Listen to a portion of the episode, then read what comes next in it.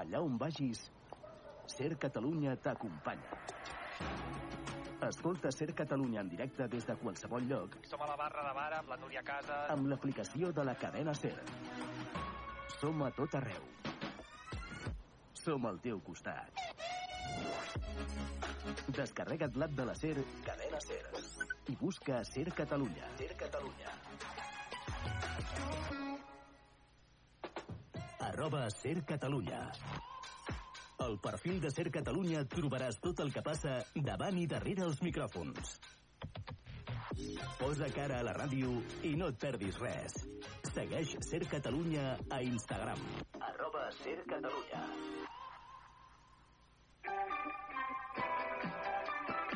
Ser Catalunya. La força de la conversa.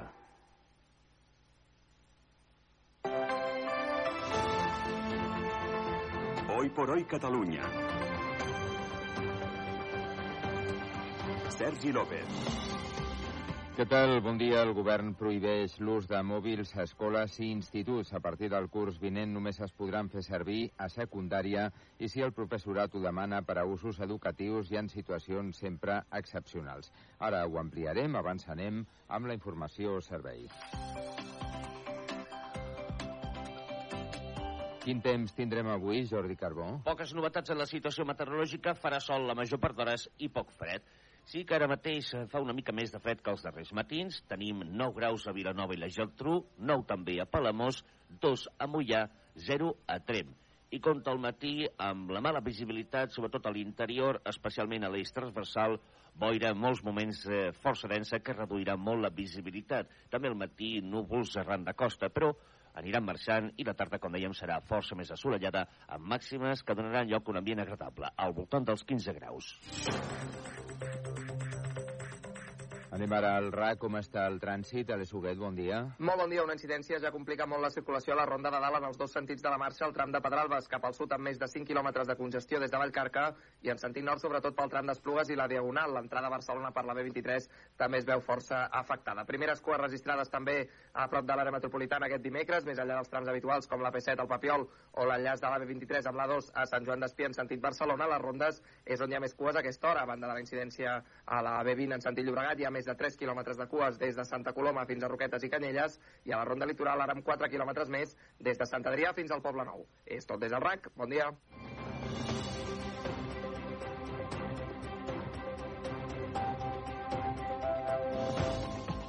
Doncs entrem en matèria. Abans de parlar-vos dels mòbils, com us anunciàvem, anem amb una notícia que hem sabut fa molt poca estona. Els Mossos investiguen la sostracció d'un nen a punta de pistola per part d'un familiar en un centre de menors de Lleida. Carles Couso, bon dia. Bon dia. Sí, segons ha avançat el diari El Segre i hem pogut, i hem pogut confirmar des de la cadena SER, els Mossos treballen en localitzar el menor i identificar el familiar que se'l van dur per un possible delicte de sostracció de menors. Doncs és l'última hora que us podem aportar en aquest punt. Ara sí, anem ja amb la informació sobre els mòbils. El govern els prohibeix a primària i pràcticament, amb algunes excepcions molt puntuals, també a secundària.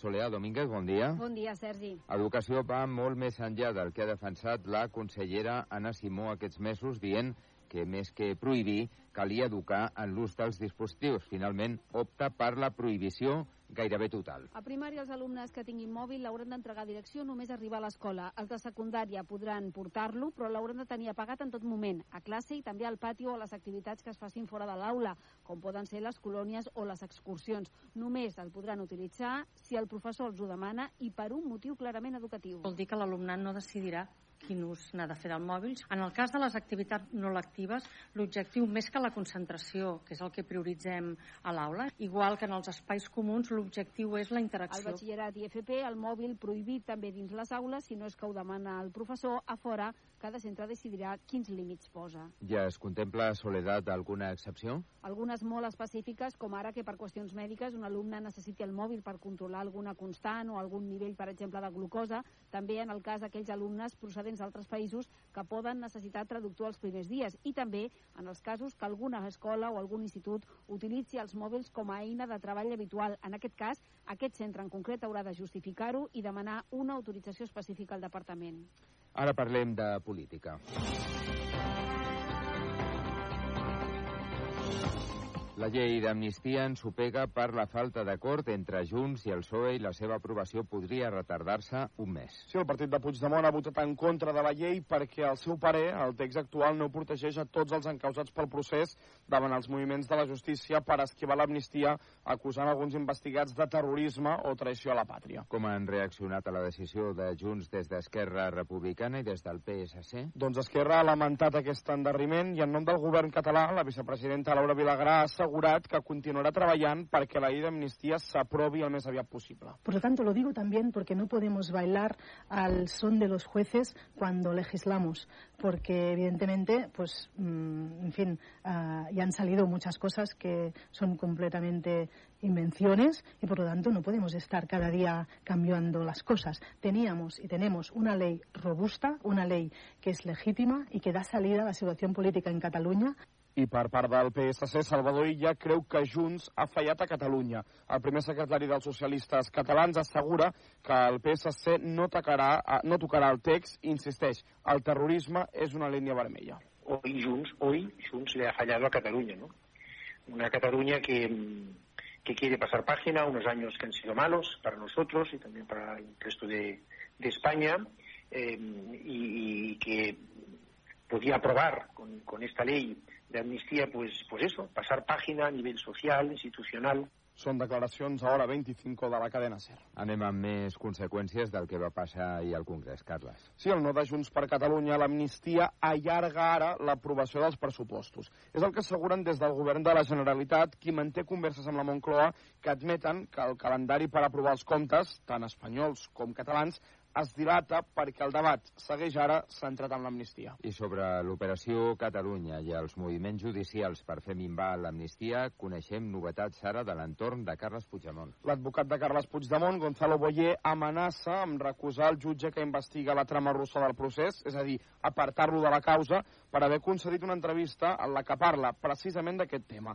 L'amenaça de Boyer arriba un dia després de que el magistrat anunciés que prorroga la investigació del cas. Martí Rodríguez. El jutge Joaquín Aguirre ha concedit una entrevista recentment a una televisió alemanya en la que explica que ell està investigant si funcionaris russos van estar en contacte amb acolis de Puigdemont i si hi va haver reunions on Rússia va oferir suport polític i militar a l'entorn de l'expresident. Se trataria de la influència... L'advocat Gonzalo Boye, a través d'un recurs, ja ha avisat de que prendrà accions judicials per recusar el jutge per haver incomplert el seu deure d'imparcialitat, mentre fonts properes al magistrat asseguren que ell està convençut de que no ha infringit cap normativa, ja que s'ha limitat a exposar el cas sense fer-hi comentaris valoratius. Hoy por hoy Catalunya. Els sindicats de tècnics sanitaris han desconvocat la vaga indefinida que mantenien des del passat dia 8 de gener després d'arribar a un acord amb el Departament de Salut. El conseller de Salut, Manel Balcells, ha destacat que l'acord inclou millores organitzatives i una anàlisi retributiva comparativa amb propostes de millora que, si aprova la taula d'harmonització, el Departament assumirà. I a la Fira de Barcelona, segon dia de l'ICE, el congrés audiovisual més gran d'Europa. Sí, entre les novetats que es presenten aquests dies a la Fira, un paraigües de 7 metres que fa de projector, centenes de pantalles d'alta qualitat i experiències immersives que traslladen els visitants arreu del món. En definitiva, una mica de ciència-ficció, que més en sabem, Gemma Alegrí. El paraigües és una de les novetats que presenta Epson, que té un dels estants més grans de l'ICE. Fa 7 metres i amb aquest la companyia vol demostrar que es pot projectar sobre qualsevol superfície. Com si fos una pantalla, però una superfície absolutament irregular. És Raül Sanauja, responsable de comunicació d'Epson a Espanya. A la fira també hi ha el simulador immersiu d'Iceberg, una empresa catalana que vol fer reflexionar els visitants sobre el canvi climàtic transportant-los fins a les glaceres. Ho explica el seu director, José Balinya. Quatre parets projectades i el terra projectat. I també s'hi presenta la pantalla gegant que obre l'ICE i que es quedarà a la fira. És de la companyia catalana Sono i Francesc Sabata n'és el cap d'operacions. Per nosaltres és icònic aquest muntatge. L'ICE s'allargarà fins divendres a Fira de Barcelona. La Cuca de Llum ha guanyat el Premi d'Arquitectura Internacional Design Awards. Els premis reconeixen el funicular del Tibidabo en la categoria de sostenibilitat, disseny d'arquitectura verda i d'infraestructures sostenibles. La Cuca és el mitjà de transport que més gent utilitza per accedir a l'àrea panoràmica del Tibidabo, el punt més alt del parc que es tornarà a obrir aquest dissabte. L'any 2023 hi van pujar més de 800.000 usuaris.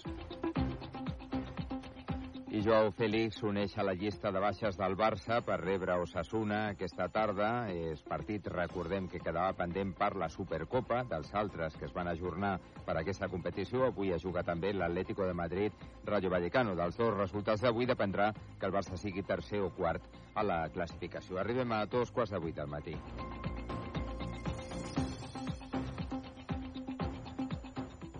Son las siete y media, las seis y media en Canarias. Hoy por hoy, con Ángeles Barceló. Calvo Gómez Pilar, no. Cervera Pinar Josep María, no.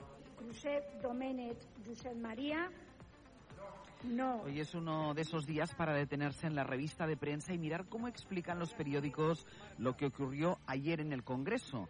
Junts paraliza la amnistía al negarse el PSOE a más cesiones, titula el país en su primera. En la vanguardia, Junts frena la ley de amnistía y fuerza una nueva negociación. Para ABC, Puigdemont derrota a Sánchez y en el mundo, Puigdemont noquea a Sánchez y acerca la legislatura al colapso. Por quererlo todo, Junts se arriesga a quedarse sin nada. Empieza el editorial del país esta mañana que cree que el PSOE y sus socios, salvo Junts, han llegado todo lo lejos que era razonable y que ahora Puigdemont se encuentra con el rechazo del gobierno, lo que emborrona el argumento del PP de que Sánchez cede a todo, pero también evidencia los costurones en la mayoría que sustenta el gobierno. Según el editorial de La Vanguardia, tanto Junts como algunos jueces protagonizan acciones que entorpecen el proceso de normalización en Cataluña, lo ponen en peligro, se